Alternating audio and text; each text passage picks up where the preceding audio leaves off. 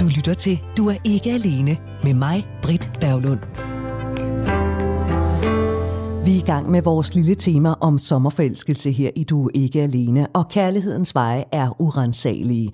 Derfor prøver vi i denne udgave at undersøge, hvem det egentlig er, vi forelsker os i, og hvorfor. Prøv lige at lukke øjnene og forestil dig din drømmepartner. Hvordan ser vedkommende ud? Hvordan er ansigtsformen? Hvordan er kropsformen? Hvordan sidder håret, hvis vedkommende har sådan noget? Hvordan er stemmen? Hvad laver han eller hun til daglig? Og hvad interesserer vedkommende sig for? Og så prøv lige at forestille dig det diametralt modsatte. Alt det, som din prins eller prinsesse ikke er på overfladen. Kunne du så falde for vedkommende? Selvfølgelig kunne du det.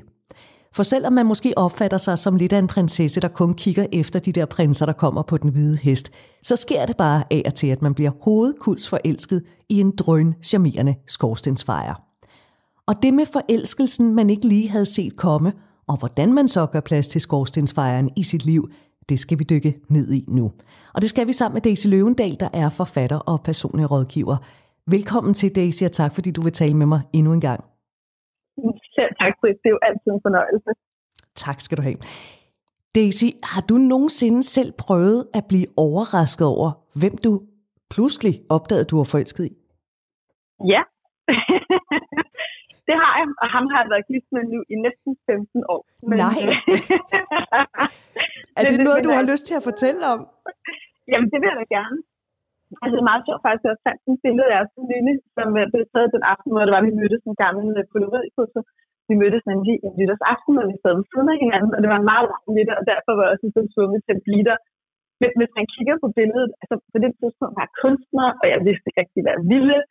Og det var stort hår, og masser af rød læbestift, og meget ustruktureret liv, og jeg havde inden da været kæreste med en kvinde. Og så sidder Ingvar i et helt sådan lystret jakkesæt, lidt Hugo Boss-agtigt, og var ansat i Finansministeriet. Ikke? Og jeg kan sådan set huske det der blik, hvor jeg ligesom ser, at jeg skulle sidde ved siden af ham til det bordplan. Og jeg, jeg var sådan så tæt på at begynde at bytte de der skilte ud. Fordi jeg tænkte bare, ej, åh, jeg virkelig ikke sådan en eller anden tør i et jakkesæt, det bliver langt det her, ikke? Og jeg nåede sådan lidt desperat at kigge rundt og se, om jeg kunne gøre et eller andet, om jeg kunne rigtig gøre et eller andet, og så måtte jeg ligesom overgive mig til det.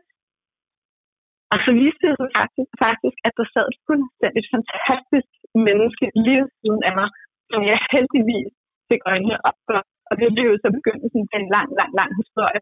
Men, men når jeg kigger på det billede og tænker tilbage på, hvor jeg var i mit liv, og hvor ingen var i sit liv, og hvad vi hver især havde forestillinger om kærligheden, så tror jeg på ingen måde, at vi havde beskrevet hinanden. Nærmest tværtimod.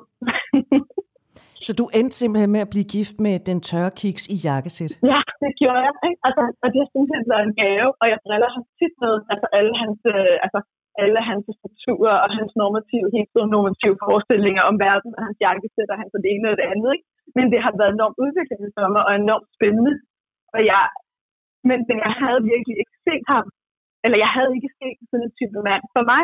Og i virkeligheden det er jo bare et meget godt eksempel på, hvor lidt de kender os selv, og i hvert fald, hvor lidt jeg kendte mig selv. Fordi jeg tror, at jeg havde brugt nogle ret lille år i mit liv der i slutningen af mine 20'ere på at komme ud af et langt forhold, jeg havde før, og lære mig selv at kende.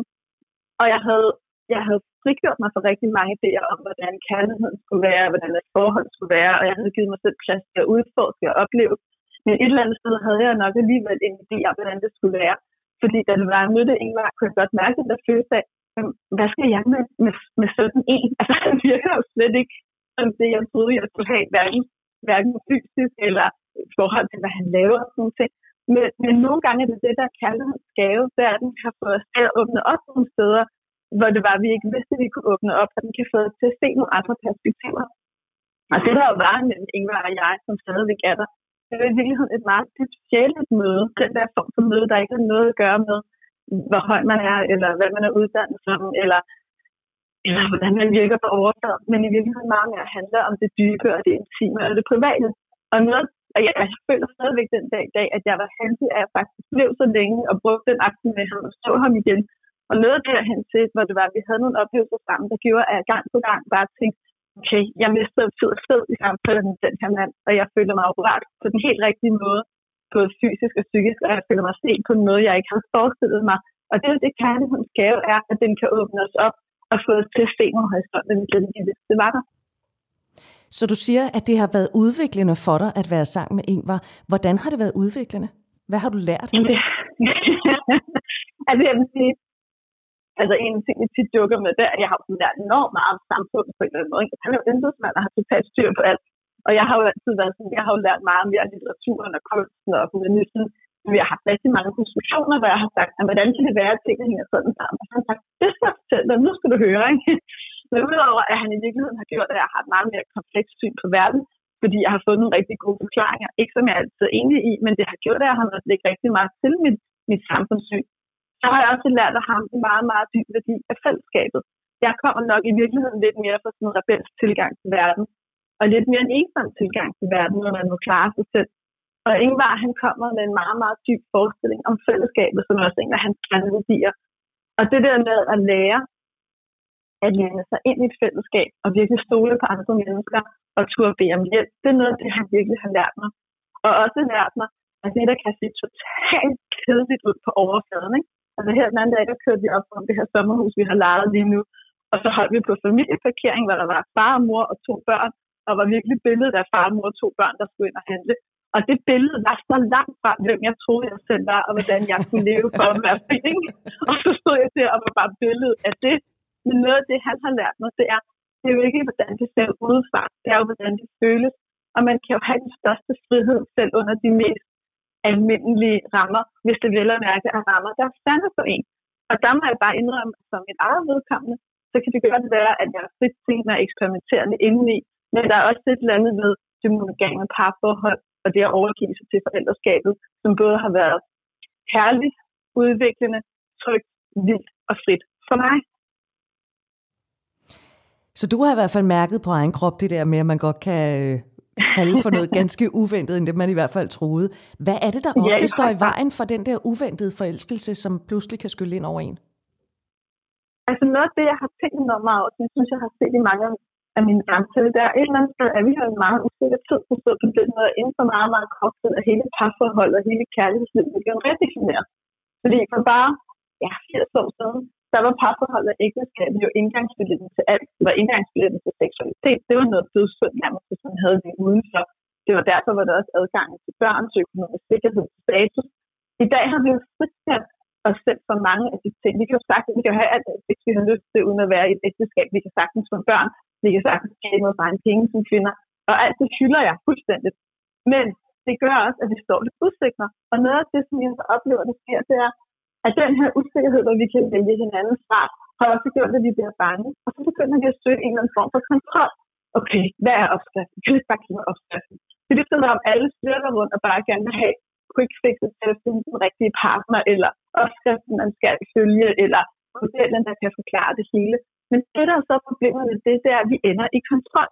Og vi ender med at have så travlt med at regne ud, hvordan livet skal leves, så vi glemmer rent faktisk at leve det og opleve det og lade det udfolde sig. Og det er jo noget det, jeg oplever, der i virkeligheden tit står i vejen, fordi kærlighed til det uventet.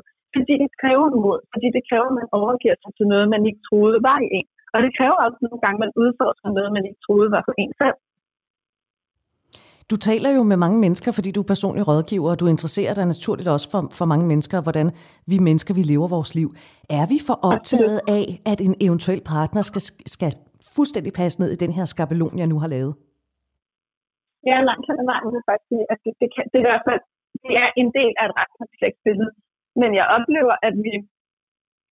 Det, på den ene side, så synes jeg, der er noget fantastisk i, at vi har givet os selv lov til at skabe mere plads til, og der kunne også være endnu mere plads til at finde ud af, hvem er jeg, hvad vil jeg, og hvordan vil jeg leve.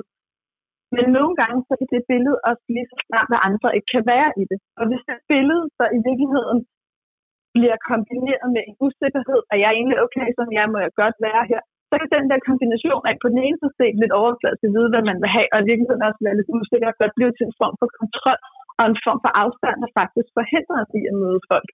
Hvad noget af det kærlige møde jo også beder os om, det er jo også, at vi slipper på nogle af de ting og blive. Og man kan sige, vi står jo hele tiden med den mulighed, at vi kan bare swipe til højre og møde en anden. Og vi kan bare gå ud på gaden og møde en anden. Så hvad, hvad er det så, der gør, at vi skal blive? Det svar skal vi jo finde inde i os selv. Og hvis ikke man har, hvis ikke man virkelig vælger os at blive og udfordre sig man står overfor, også når man bliver vred og såret, og tænker, at du er den rigtige, du forstår mig slet ikke, eller hvorfor går du op i det, og hvorfor du ikke sagt, at jeg vil drikke rødvin og snakke, eller hvad det nu er. Så, så bevæger vi os jo helt tiden videre, og så er vi helt tiden på vej væk, og så får vi ikke med til at skabt de her ting, som er de dybere bedre. Ja, det kan jeg godt se. Nu blev jeg lige lidt stille. Det er, fordi jeg sidder sådan og tænker over det, du siger. Øhm, fordi hvordan når vi så når dertil, ikke? Øhm. Jo. jo, og man kan sige, at førhen var vi jo nødt til det. Så var vi jo tvunget til det. Og det synes jeg jo ikke er en god model. Jeg synes jo, at vi har en helt rigtig... Jeg, jeg vil på ingen måde have det tilbage, der var. Og jeg har bestemt lidt lyst til at have det kvindelige, man havde for 100 år siden. Men jeg er bare meget bevidst om, at friheden hvis den i virkeligheden ikke skal, være, skal virke imod os, så skal vi også nogle gange bruge friheden til at vælge at blive også i det svære. Og det, der i virkeligheden sker, der, eller i hvert fald noget, jeg synes er interessant, man har lavet mange undersøgelser og prøvet virkelig at regne ud, både de lidt mere populære kultur, kulturelle afdelinger og dybtegående studier, hvorfor bliver folk forelsket. Og det kan man faktisk ikke komme med en entydig forklaring på. Der er forskellige bud på det. Men vi ser igen og igen, at der er en type, og på papiret ser det helt rigtigt ud, og Marianne og Martin burde være lykkelige for evigt, så de stemmer jo på det samme og køber det samme tøj og spiser økologisk og drikker kage, hvad, hvad de nu engang gør. Alligevel, så virker det ikke. Hvorfor gør det ikke det? Fordi at der er kærlighed også er en kemi. Der er en der mystiske ting. Der er den der ting, der gør, at vi ligesom bliver lidt rystet og lidt nysgerrige og lidt, lidt sanseligt til stede og kommer lidt dybere ned i kroppen og lidt højere op i hovedet. Den kemi kan man ikke sætte i formen på. Vi kan tale om nogle faktorer, som for eksempel den danske forfatter Jørgen der taler om, at der er noget, der nogle gange både forløser noget i en, og som også krænker noget i en. Men, men der er jo et eller andet mystisk, der er noget kemi, og den kemi kan vi ikke, kan vi ikke kortlægge. Vi kan bare konstatere, at den er der. Og det er jo også det popsangene og de store film og digtene jo beskriver, det er, at vi har jo alle sammen mennesker erfaring af bare at blive forelsket. Men forelskelsen er jo kort, så hvad sker der så, hvis vi bliver fascineret af en? Det skal så have lov til at udvikle sig til forelskelse, og det skal have lov til at udvikle sig til kærlighed. Og hvis vi hele tiden er på vej videre, så sker det ikke. Nej. Altså, og nu, nu har du selv bragt typen på banen, så lad os lige blive ved det der ord type. Jeg har også selv oplevet at blive øh, smaskforelsket i en mand, som altså på papiret overhovedet ikke var min type. Altså, ja. øh, det, var, det, var, det var faktisk det måske i virkeligheden det diametralt modsatte af, hvad jeg, hvad jeg kiggede efter. Øhm, ja. Og jeg har da også lagt mærke til, at jeg er jo ikke den eneste single, der siger min type eller din type. Nu talte du om det her med, at vi i dag i forhold til for 100 år siden, der har vi jo så meget frihed. Vi, vi kan så mange ting. Vi, vi har så mange muligheder i det her liv. Når vi taler om at have en type, er det fordi, vi i virkeligheden prøver selv at indskrænke, kan man sige, mulighederne for os selv?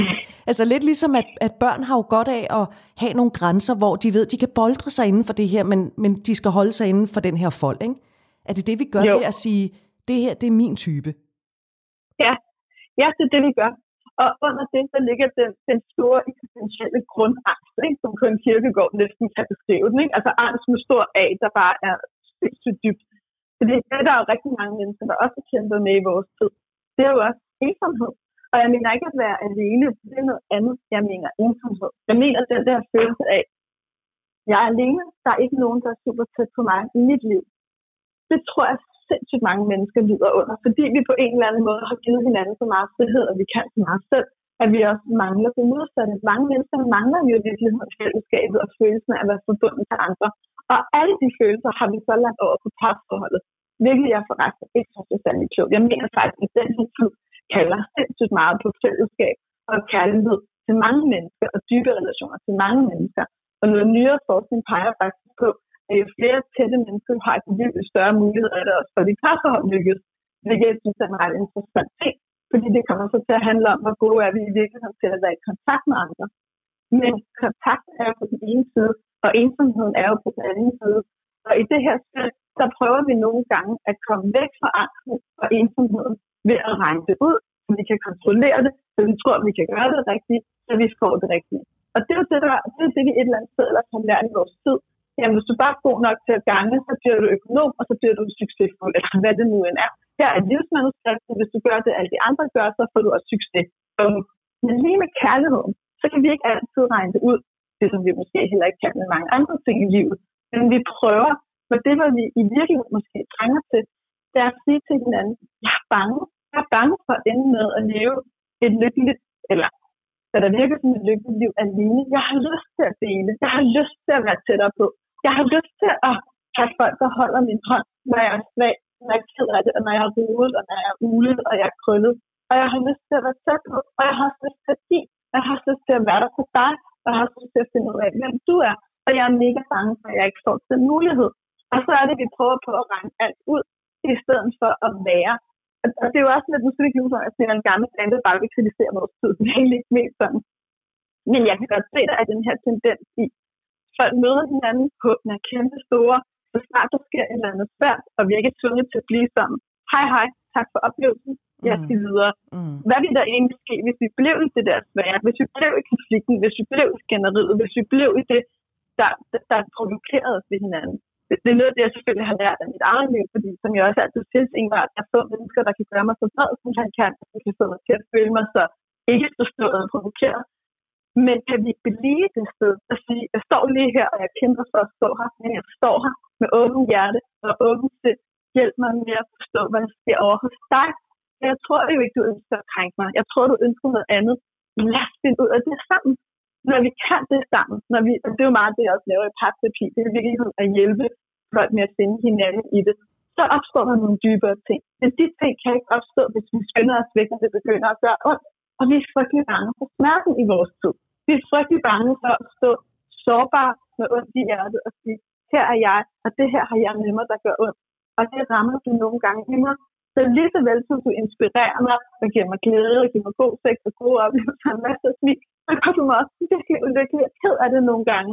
Hvordan kan vi være i det sammen? Du lytter til Radio 4. Jeg synes, der er flere gakkede ting i den her tid. Ikke?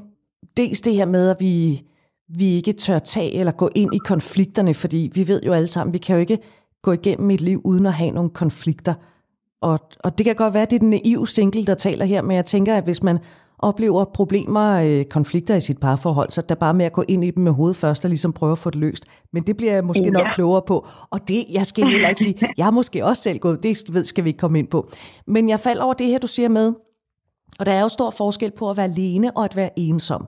Og så det her med at stille sig ud og så sige, at jeg har faktisk, fordi det, det er den grundfølelse, jeg har. Jeg har ikke lyst til at være alene resten af mine dage. Jeg vil sgu godt dele mit liv med en eller anden. Men mm. for lige at vende tilbage til den der type, hvis jeg så øhm, danner den her skabelon af, det her, det er den type, det er min type, som jeg går efter, så skyder jeg vel mig selv gevaldigt i foden, fordi jeg indskrænker øh, feltet så voldsomt meget. Ja, fordi du kommer til at lave et billede. Du kommer til at lave en ja. forskning op i dit hoved, du kommer til at gå og sammenligne mennesker med ubevidst. Passer det ind til det her? Passer det til det her? Passer det til det her? Nej, nej, nej, nej, nej, nej, nej. Okay? Hvorimod, ja. hvis du på en eller anden måde våger at smide alle de der forestillinger væk, og det er super hårdt, for hver gang vi smider forestillinger væk, så står vi jo nøgne og møder det, der rent faktisk er. Og så kan vi blive såret, og så kan vi blive kede af det. Og så kan vi tage fejl, og vi kan blive super forelskede i en, der ikke bliver det i. Alle mulige andre smertefulde ting, eller på vores, vores liv vendt op og ned. Men jeg tror jo netop, det er det, der er så vigtigt. Og i virkeligheden har jeg også til at vente endnu mere op. Vi er så optaget af, hvordan de andre skal være. Hvad med at være optaget af, hvem vi selv gerne vil være? Fordi jo mere optaget vi i virkeligheden af, er af at leve det vi synes er vigtigt, gør det, vi synes er vigtigt, være engageret i det. Vores sjæl brænder for tale fra et kærligt sted, vise hvem vi er. Det er i virkeligheden mere, end at prøve at fokusere på at regne den rigtige type ud, og hvem er de andre, og hvorfor siger han det, og hvorfor svarer han sådan. Prøve i virkeligheden at stå tydeligt frem som dem, vi er. Så det er meget mere sårbart, meget mere skræmmende. Man kan blive afvist, og det gør meget mere ondt. Men man spiller op på en helt anden dimension. Og det, der så sker, det er, at så kan folk pludselig se en. Så kan man tiltrække mennesker. Man kan blive synlig for mennesker. Og man kan møde nogen, der siger, ej, der kan jeg godt lide, helt på hjertet. Hvor man kan sige, ej, det dejligt, for hvis du kan lide mig, som jeg er alene, så kan du lide mig. Og så kan du se mig. Så i virkeligheden noget af det, jeg nogle gange prøver på at placere lidt for, det er, i stedet for at være så optaget af de andre, prøv at være lidt mere optaget af at vise, hvem du er.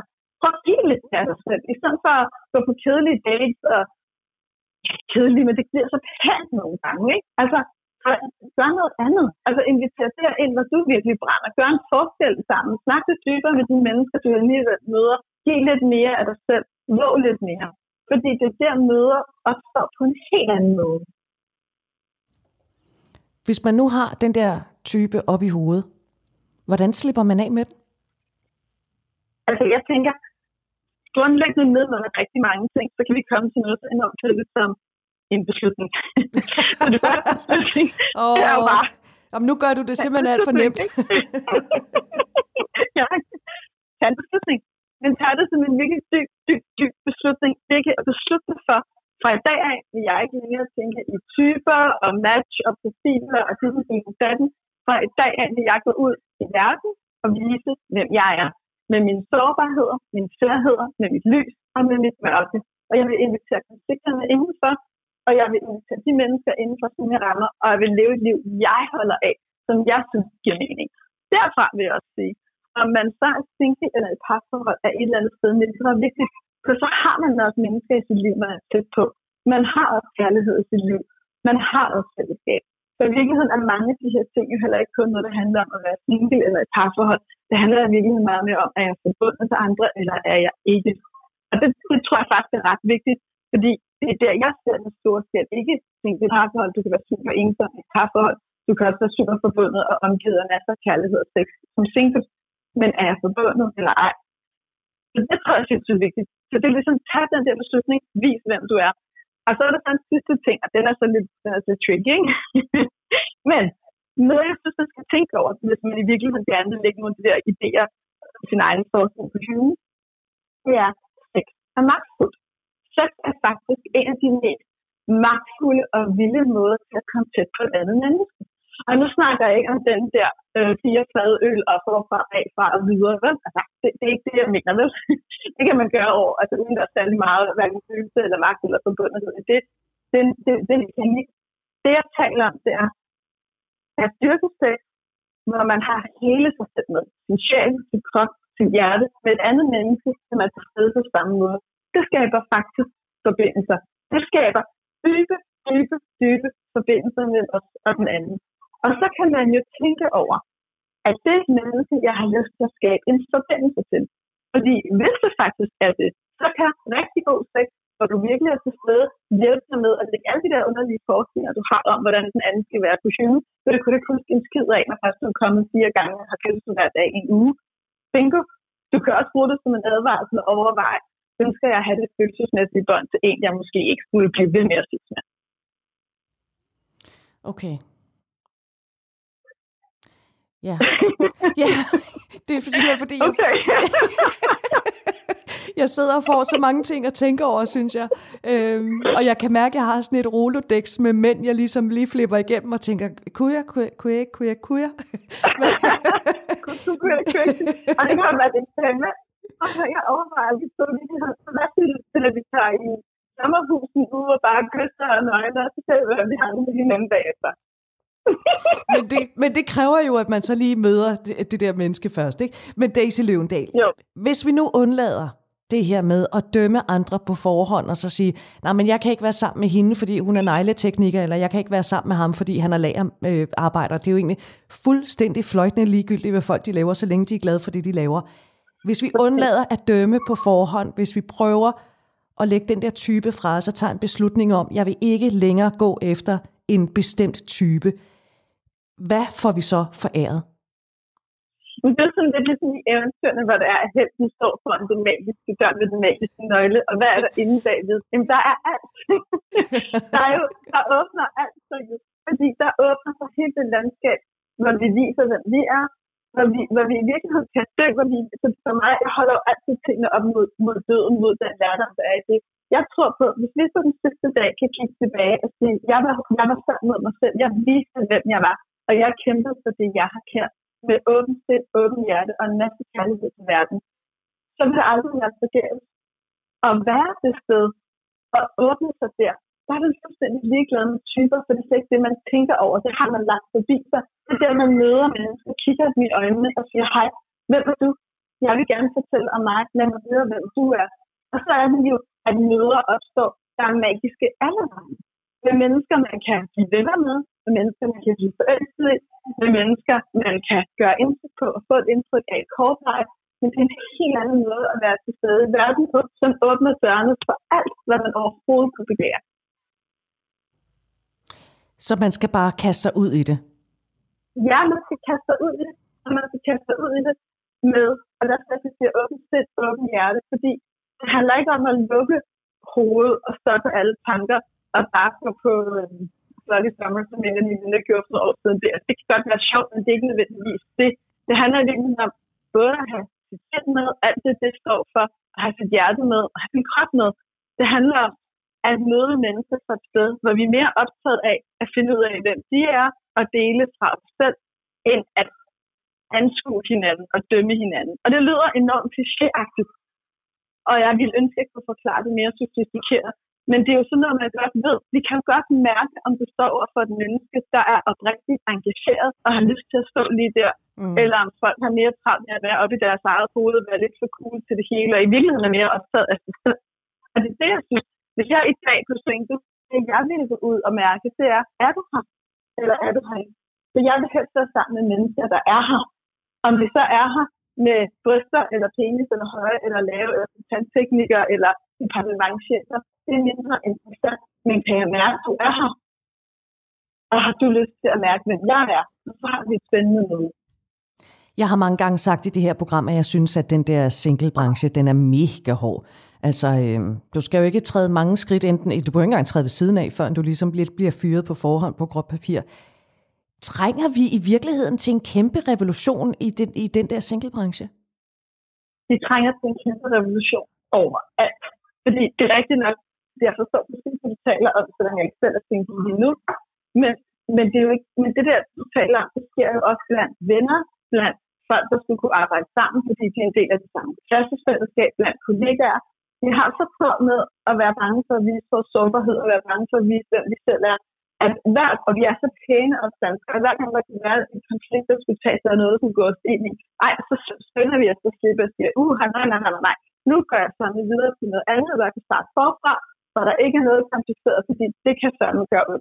Så jeg trænger i den grad til at blive og sige, hey, nu fik vi virkelig rodet os ud i et eller andet. Skal vi prøve at se, om vi kan blive klogere på det her?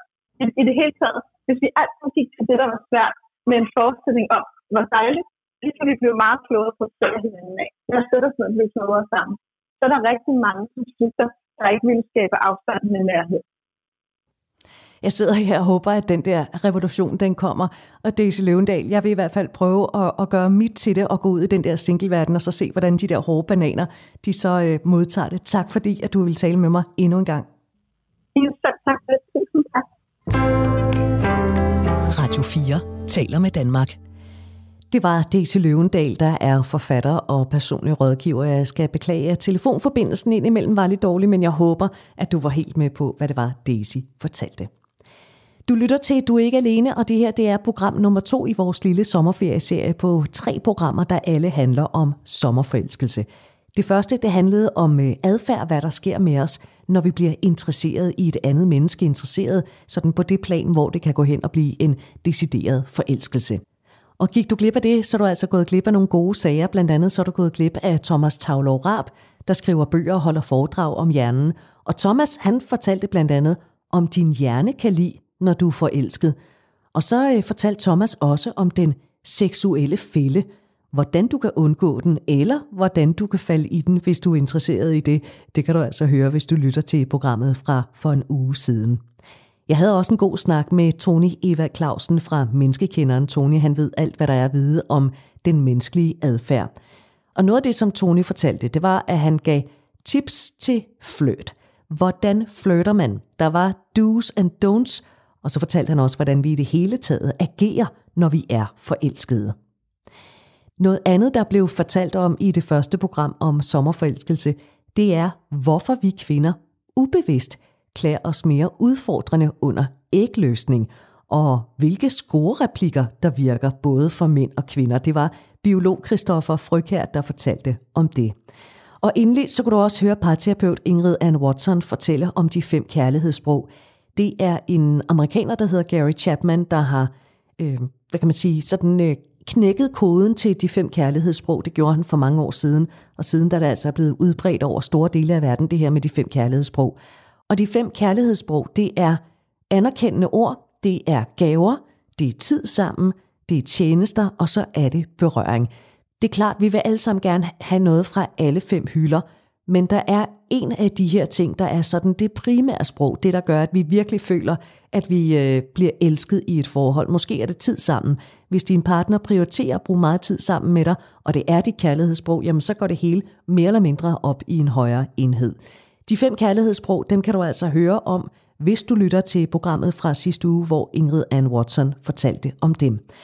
Gik du glip af det hele, så kan du altså hente programmet fra sidste uge som podcast. Det kan du gøre der, hvor du ellers henter dine podcasts, eller du kan også lytte til det på Radio 4's hjemmeside. Det er på radio4.dk. Der finder du jo også alle tidligere udsendelser. Du lytter til Radio 4. Og så tilbage til denne udsendelse, der handler om den eller de forkerte. Konflikter i parforholdet er en gave. Den overskrift, den så jeg for noget tid siden på jp.dk. Det var en overskrift på en artikel, der var blevet skrevet for et par år siden.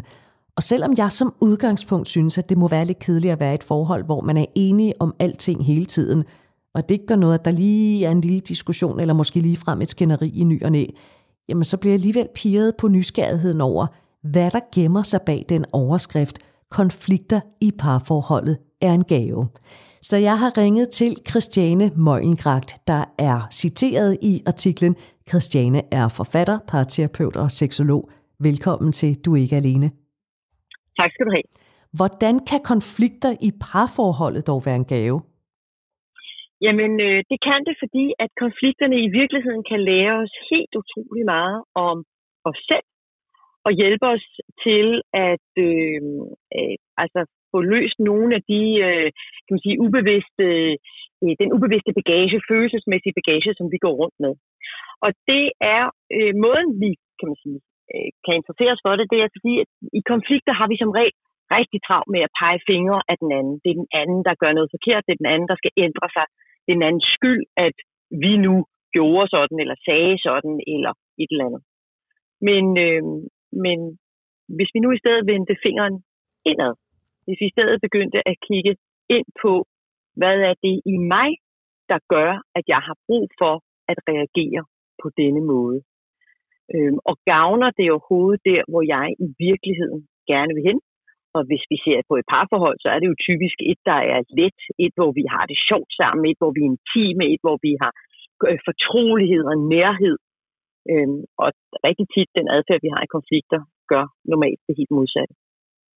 Så i stedet for at se på den andens fejl, så skal man kigge indad. Øh, yeah. Det lyder ikke skide til med Christiane på en eller anden måde. Har jeg lyst til at se det, jeg får øje på? Nej, det er jo derfor, vi måske ikke altid gør det.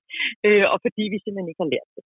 De fleste af os har lært allerede som små at øh, søge efter, at når øh, øh, årsagen i ting eller mennesker eller omstændigheder uden for os til årsagen til, at vi nu har det svært, eller jeg kalder det, når vi bliver ramt, ramt følelsesmæssigt. Øhm, så det vil sige, at hver gang vi bliver frustreret, eller irriteret, eller kede af det, eller vrede, så, øh, så er det sådan nærmest helt automatreaktion, sådan en selvbeskyttelsesreaktion, at vi øh, kaster bolden over på den anden og siger, øh, øh, øh, i, i, i, i mange forskellige varianter, siger, det er også din skyld. Øhm, og faktisk er det også sådan, at hvis vi hvis, når jeg taler med mennesker, der øh, øh, ofte måske har tendens til at skælde ud på deres partner, eller kritisere, eller noget. Hvis, jeg, hvis vi virkelig kigger på det, så er det måske langt mere en appel, eller et ønske om kærlighed, omsorg, at blive lyttet til, at blive set, at blive mødt for den, vi er, frem for at vi virkelig har lyst til at skælde ud. Men vi har ikke lært andet. Okay, og den, den kunne jeg godt tænke mig lige at vende tilbage til om et øjeblik. Men ja. Når du, øh, når du sidder og fortæller det her, så tænker jeg, vi plejer at sige, at det, det bedste forsvar, det er jo et angreb, ikke? Så det er der faktisk en, en snært af sandhed i. Øh, ja, det er i hvert fald det, vores ubevidste sind tror. Spørgsmålet er, hvad det bringer os. Bringer det os virkelig mere kærlighed og mere nærhed og mere forståelse og mere omsorg? Ja. Det er jeg ikke altid sikker på, det gør. Nej. Og så tilbage til det der med, når så man skælder ud, så kan det i virkeligheden ja. være udtryk for, at man gerne vil have kærlighed. Det kan jo lyde sådan helt bagvendt. Øh, de fleste af os, når vi står i en situation, hvor vi bliver det, jeg kalder følelsesmæssigt ramt, og igen, øh, nogle gange er vi faktisk ikke altid helt klar over det, så er, øh, så er det, vi som ofte har brug for, det er jo i virkeligheden, at der er nogen, der vil anerkende os, nogen, der vil værdsætte os, nogen, der vil fortælle os, at vi er okay. Det er i sidste ende det, vi mennesker har brug for. Vi er jo flokdyr. Vi har faktisk brug for at vide, at vi hører til. Vi har brug for at vide, at vi er okay. Øhm, men, men når vi så kommer til at kritisere, så vil det jo være naturligt for den anden at forsvare sig. Og så kører vi i det, man faktisk kunne kalde et klassisk drama. Okay. Giver det mening? Ja, det giver i den grad mening, men jeg tænker også, når vi, når vi havner i de der konflikter, og vi peger fingre af den anden, det så er det det, vi ligesom har lært.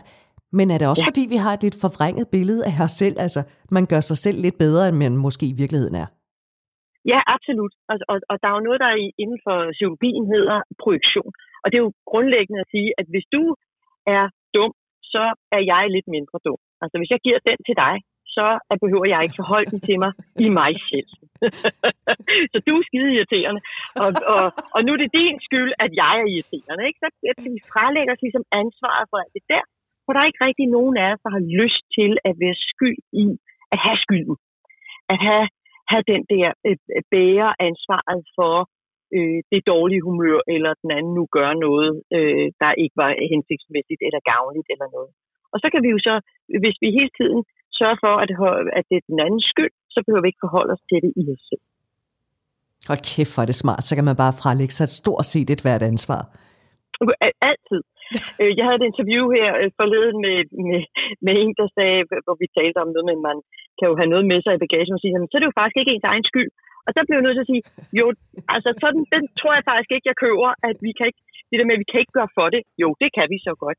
Men vi har måske blevet så vant til, at det er den måde, vi reagerer på. Vi har måske trænet det i mange år, og derfor kan det være svært, det der med lige pludselig at få kigget på, hov, hvordan er jeg selv med til at optrappe den her konflikt? Hvordan er jeg selv med til indirekte at, at skabe afstand mellem os? Det kan godt være, at det var den anden, der startede. Det kan godt være, at den anden var et dårligt humør, der snærede, der ikke svarede på sms'en, eller hvad det nu er. Men hvordan er jeg selv en del af hele den her dynamik? Og der kan det være sundt lige at kaste et blik på sig selv. Absolut. Og nej, det er ikke altid kønt. Nej, nej, men det er jo derfor, det, det er jo derfor, det er svært. Ikke? Ellers, hvis det, hvis det var super nemt, så tror jeg faktisk ikke, at jeg havde så mange problemer her i verden. Nej. Øh, hvis vi var super gode til at sige, hey, det må du så om undskyld, jeg kan godt se, jeg har da været en kæmpe idiot der. Øh, eller ej, det jeg lige sagde der, det var faktisk så urimeligt over for dig. Så øh, skal vi ikke lige starte forfra. Hvis nu vi var sindssygt gode til det, øh, eller vil helt tydeligt at sige, du har nu sendt søde smiley i alle dine sms'er, nu kommer der en, hvor der ikke er nogen. Hvordan skal jeg tolke det, øh, søde smiley? Hvis vi nu var super gode til det, at, at, øh, at være mere sådan neutral i vores eget liv, så ville vi nok ikke løbe ind i specielt mange følelsesmæssige problemer. Men det er det jo ikke. Det er jo en del af at være menneske. Ja. Der er jo også nogle gange, hvor den, man har en konflikt med, vidderlig er en klaphat. Altså helt igennem en af de største klaphatte, man måske har stødt på i sit liv. Ikke? Hvordan kan jeg mærke, om, om det er den anden, der er gal på den, eller om det er noget dybliggende i mig, der bliver prikket til, at det i virkeligheden er mig, der måske er galt på den. Og giver det mening? Ja, men jeg tror, vi skal se på det mere som en dynamik. Jeg går ikke rigtig ind for, at man siger, hvis skyld det er. Jeg tror, vi skal se på det som en dynamik. Og hvis et menneske, man er sammen med, øh, gang på gang trigger os, altså i gang sætter frustration, smerte, øh, afsavn, afsavn, eller hvad det nu må være, så, så kan vi jo dybest set øh, vælge øh, enten at sige, hvor er det interessant, hvad er det, der sker i mig? Men vi kan jo også stille spørgsmålstegn med, at er det det her, jeg har lyst til? Øh, og hvis man nu er sammen med en, der decideret, der er jo folk, der opfører sig som skiderikker og huller, det kommer vi jo ikke udenom. Øh, og det er på grund af deres bagage, hvad de har med. Men der er det jo op til os at få sagt fra over for det.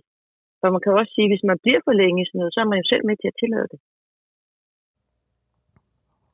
Ja, jeg kan, jeg kan godt mærke ligegyldigt, hvad jeg siger til dig, om, at det er de andres skyld, så præller det lidt af som øh, vand på en gås. jamen, jamen det er jo også, altså i sidste ende er vores liv, og det er jo ligegyldigt, om det handler om kærlighed og forelskelser, eller, eller det er vores job, der er vores liv i vores ansvar. Og der er jo kun et menneske, der kan leve det, og det er os selv. Og så kan vi, kan vi jo vælge, om vi vil lære af alt det, vi bliver udsat for, for det bliver vi. vi bliver jo, der sker jo en masse ting i vores liv, og der er absolut en hel masse af det, som vi kan vælge, er negativt, men vi kan jo vælge, hvordan vi bruger det fremadrettet i vores liv. Også det, der er sket for os, altså de første år af vores liv, som, hvor vi jo er helt uskyldige børn, der er, er, er altså former en ekstrem stor del af vores måde at indgå i relationer senere i livet på. Øh, men vi kan jo arbejde med det hele. Det er et spørgsmål, om vi bliver bevidste, og vi tør i virkeligheden åbne øjnene, og så kan man tage det i små skridt. Og Christiane Møglenkrak, når, når først jeg bliver klar over, at min reaktion den bunder i noget, der ligger dybt i mig, så ser det lidt ja. som, at jeg hiver i den der løse tråd i sweateren. Ikke? Hiver jo. man i tråden, så kan man hurtigt stå med en endnu større udfordring, fordi halvdelen af sweateren den er blevet trævlet op. Hvis ja. man begynder at se indad, hvilket arbejde skal man så ruste sig til venter forude? Øh, jamen, jeg tror, at man skal være parat til at vide, at det kan godt være, at vi skal se noget smertefuldt i øjnene. Det kan jo være, at vi hele vores liv egentlig har prøvet at undgå det. Og desværre det er sådan en strategi, der ofte øh, afføder mere smerte. Altså, det svarer jo lidt til, at hvis vi går rundt derhjemme, og der er nogle ting, der ulmer, vi er ikke helt tilfredse med, men får aldrig rigtig sagt det, så på et eller andet tidspunkt, så eksploderer det. Og måske det har vi endda været så dårlige til at få taget hånd om problemerne, at vi bliver skilt, for eksempel, eller går fra hinanden.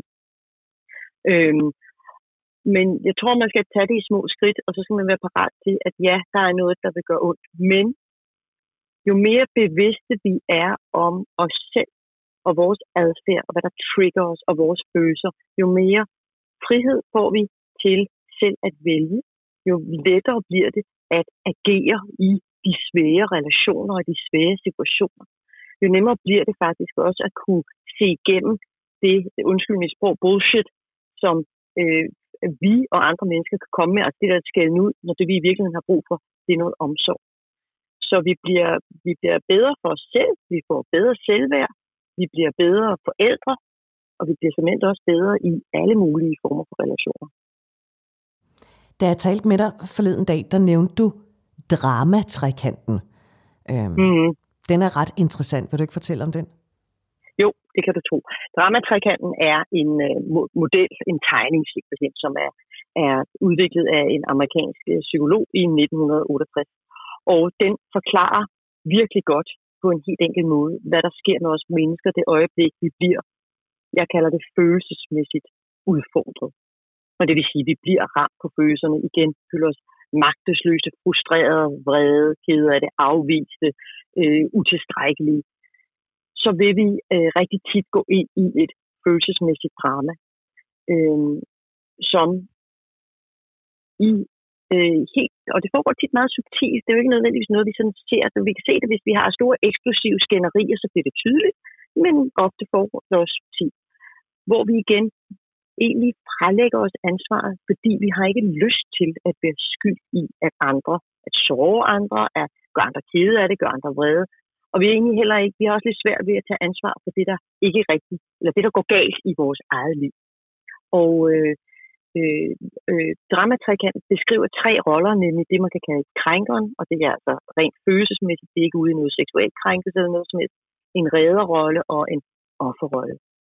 Og selvom der er ikke nogen, jeg har ikke til dato mødt nogen voksne mennesker, der rigtig har lyst til at sige, om jeg tager gerne den der offerrolle, så er det sjovt nok alligevel den, vi helt indirekte kommer til at kappes lidt om. Hvem er det mest synd for? Hvem får lov til at frelægge sig rettighed eller øh, ansvaret? Hvem får lov til at få flere rettigheder, men færre forpligtelser?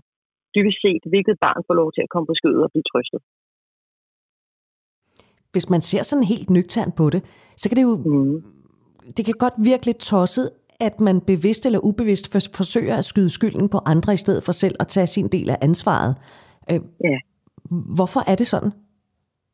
Jamen det er det, fordi at det kan gøre ondt, og fordi at vi øh, lever i altså de fleste af os har har simpelthen ikke lært andet. Vi har set de voksne gøre det og, og, øh, som børn, så det er de rollemodeller, vi er vokset op med. Men også fordi, at vi har et samfund, der handler rigtig meget om, hvis skyld er det? Hvem skal bære skylden? Hvem skal udskammes for at have været en bandit eller en skurk? Og det er der bare ikke nogen af os, der har lyst til. Og på vores ubevidste plan, inde i vores reptilhjerne, der svarer det at blive udstødt af flokken, altså blive skammet ud, det svarer øh, til den visse død. Så, så øh, og det er jo ligesom, det er jo også den mekanisme, der foregår, når vi så gerne vil være en del af et, et fællesskab, vi så gerne vil være, vi har ikke lyst til at være, ikke at være hende eller ham, der er en del af flokken, eller gruppen, eller klikken. Vi vil gerne vide, at vi hører til. Og det, hvis vi bliver skammet ud, hvis vi er den, der skal, der er at beskylde for øh, de andres øh, sårighed, eller de andres, det der smerter andre, så, øh, så ubevidst var det til, så vi, så er vi the bad guys, så er vi ikke de gode, og så kan vi altså ikke blive elsket. Så skal vi bære den byrde. Og det er, øh, det er der ikke nogen af os, der har specielt meget lyst til. Og så, fortæl... så er det nemmere at trække det. Undskyld, så er det nemmere at trække det kort, der hedder, det, det er faktisk mere sødt for mig, end det er for dig. Øh, ja, det er jo et fantastisk kort. Altså man synes jo, eller jeg synes jo, hver gang jeg hiver det, det kort ud af ærmet, så er det jo trumfen, der kommer på bordet. Det kan jeg godt høre. Det ja. har jeg da fuldstændig fejl, ja. fejlfortolket. Ja. Øh, men du sagde også til mig forleden dag, at der er også noget i det her med, at øh, fordi nu var du inde på reptilhjernen, at det i virkeligheden ja. også er en automatreaktion, fordi det er bare energibesparende. Ja, altså vores hjerne er sådan øh, indrettet, at øh, den vil rigtig gerne spare noget energi, øh, fordi at den også godt ved, at før eller siden kommer vi i livstruende situationer, og der har man altså brug for fuld koncentration, der har man brug for fuld opmærksomhed, og det er vi sådan helt givet til, det kan man sige. Det, det er rent biologisk, det er, vi, det er vi fuldstændig givet til. Men for at vi kan have fuld opmærksomhed i de her livstruende øh, situationer, i hvert fald ifølge vores reptilhjerne, så bliver vi også nødt til at øh, spare på energien på andre tidspunkter. Og det gør vi ved, at vi etablerer vaner, både øh, handlevaner, altså vores ageren, men, men, øh, men også tankevaner, følelsesmæssige vaner. Og det gør vi relativt tidligt i vores liv faktisk. Så, så øh, mange, meget af det her med at forsvare os, for eksempel, ikke? hvis nu er der en, der siger, hvorfor har du gjort sådan? Så kunne vi måske det mest nærliggende svar være, ja, hvorfor har du gjort sådan? øhm. det kan jeg overhovedet genkende det der.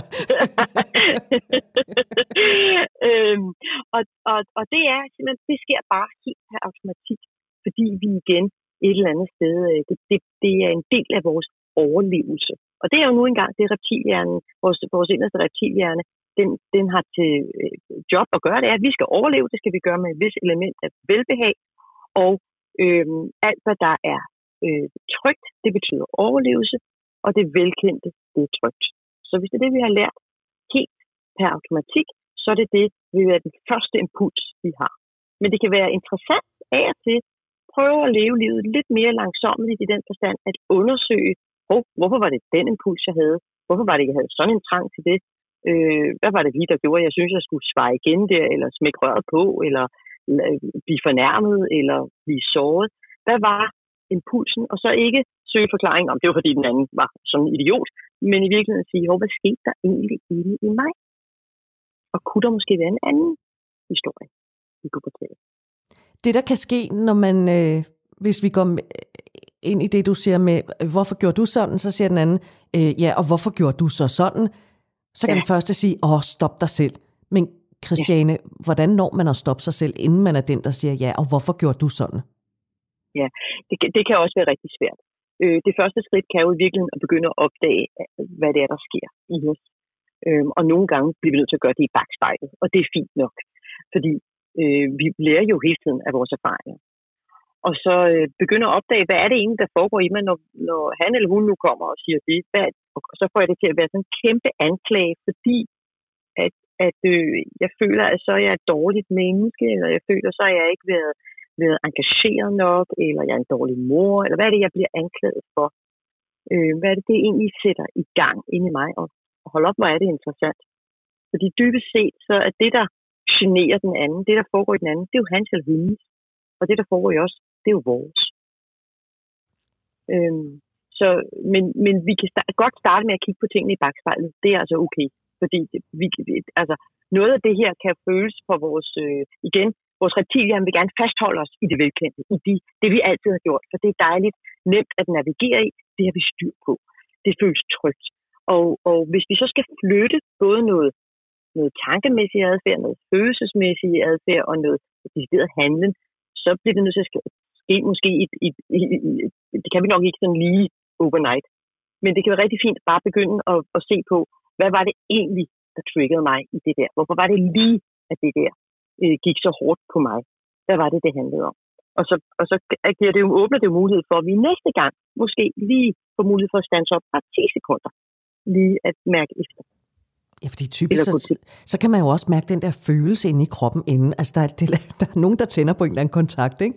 Øh, og hvis jo. man kan nå at stoppe sig selv inden, at, at lyset ligesom begynder at skinne meget lyst, så er det jo fantastisk ja, og, men det, og det vil jeg så sige, det kan være fra mit eget liv, det vil sige, der, altså, det kræver også faktisk, at vi begynder at blive opmærksom på det og øves på det. For de fleste mennesker, hvis ikke de laver det her bevidsthedsstykke arbejde, så øh, er de ikke engang klar over, at, der, altså, at det, der, det, det sker, den der kontakt er bare tændt, men de, de ved det ikke engang. Det er først bagefter, ligesom når, når roen sænker, så man kan mærke, hvor meget man har været op at køre. Ikke? Du kender det jo sikkert også af folk, der siger, jeg er ikke vred, eller jeg er overhovedet ikke op at køre. ja. nej, nej. nej, så siger vi da det. der kunne det nogle gange være interessant at sætte et lille kamera op, så kan man se, hvordan ja. man har opført sig bagefter. Nå, prøv at høre, ja. øh, Christiane, det her program, det handler jo om den eller de forkerte, sådan i gåseøjne. Og der er selvfølgelig skiderikker, der ikke øh, kan finde ud af at behandle andre ordentligt. Men hvis man mm. ser sådan på det gennemsnitlige menneske, hvis jeg kan udtrykke det på den måde, skal vi så forsøge at fagne de der forhold, der også går i stykker, fordi der er ikke noget, der er så skidt, at det ikke også er godt for noget andet? Altså, vi kan det i hvert fald vil jeg sige, at det er jo en del af vores historik. Altså, vi kan, vi kan jo ikke bare viske, viske hændelserne ud. Øh, men vi kan vælge, vi faktisk har jo mulighed for at vælge at fortolke dem, eller fortælle den historie om dem, som måske i virkeligheden giver os mere læring, end det bare gør, at vi går rundt og bliver nag, for eksempel, eller synes, vi har spildt tiden, eller et eller andet. Øhm, for der er jo altid noget, vi kan lære, uanset hvad vi oplever. Øh, og så jeg synes jo heller, at vi skal, vi skal sige, okay, det var da godt nok pudsigt, og jeg havde godt nok travlt med at skælde mig selv ud over, at jeg lige havde valgt at kysse og knade sådan en idiot. Øh, men, men måske i virkeligheden lå der noget i det, som jo blandt andet kunne hedde, den fælde falder jeg ikke i igen. Eller, eller de tegn, der var der, som jeg valgte at ignorere, selvom jeg intuitivt godt vidste, at de var der. Det var interessant måske at, at, at, at, at kigge på igen. Man kunne også vælge at sige, at sexen var med dejligt. Og øh, det kan godt være, at det, det ikke skulle være os to for altid, men altså, de der orgasmer, det er man alligevel glad for, at jeg fik. Altså, det, det, det kan man jo også. Det er der ikke nogen, der kan tage fra mig. Nej.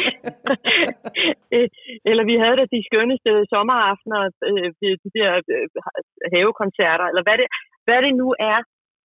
For der må jo have været noget dejligt, siden man valgte at være sammen den tid, man nu engang valgte at være sammen. Så simpelthen... Og det kan man jo godt komme på. Ja, og så huske ja. alle de gode ting, og så kan man sige, jamen der var også nogle ting, som ikke var så fede, men dem har jeg så til gengæld lært af. Om ikke andet, så har jeg ja. lært noget om mig selv. Ja, og så kan man også sige, jamen nu har jeg lært det i hvert fald ikke for ham, jeg skulle dele, eller hende, jeg skulle dele mit liv med. Det er jo også en læring. Ja, det kan absolut være en nyttig læring. Det var... ja. så meget klogere. Jamen, øh, Christiane Møglenkrak, tak fordi, at øh, du vil fortælle om, øh, om det her i Du er ikke alene. At konflikter rent faktisk også kan være konstruktive. Absolut. Alt imens de kan jo godt gøre ondt, mens de står på. Det er jo ikke, det er jo ikke, altså nogle gange, så skal det jo gøre ondt, før vi lærer af det. Ikke? Så skal vi have hånden på gåbladen, før vi rent faktisk lærer det. Men, men øh, der er masser af, af konstruktivitet også, eller måske især i konflikter. Hvis man ønsker at se det. Ja. Tak for det, Christiane. Selv tak. Der er lige under et minut til, vi skal have nyheder her på Radio 4, og i anden del af Du er ikke alene, der kan du møde Jens W. Pedersen. Jens han er coach og forfatter. Han har skrevet bogen, der hedder Dating, Desperation og Selvudvikling. Og med Jens, der skal vi sådan for alvor sætte fokus på det her med, at man kan føle, at man bliver ved med at rende ind i gåsøjne, de forkerte. Hvorfor vi gør det, ja, det skal jeg altså tale med Jens om. Og så kan du få genhør med Marie-Louise Brendal, som jeg talte med i en udsendelse tilbage i februar, der handlede om dating for begynder og let øvede. fordi det her med hele tiden at rende ind i de forkerte, ja, det er et mønster, som man godt kan knække koden på og komme fri af. Og hvordan man gør det, ja, det fortæller Marie-Louise Brendal altså her i Du Ikke Alene. Alt sammen om få minutter. Allerførst er der nyheder.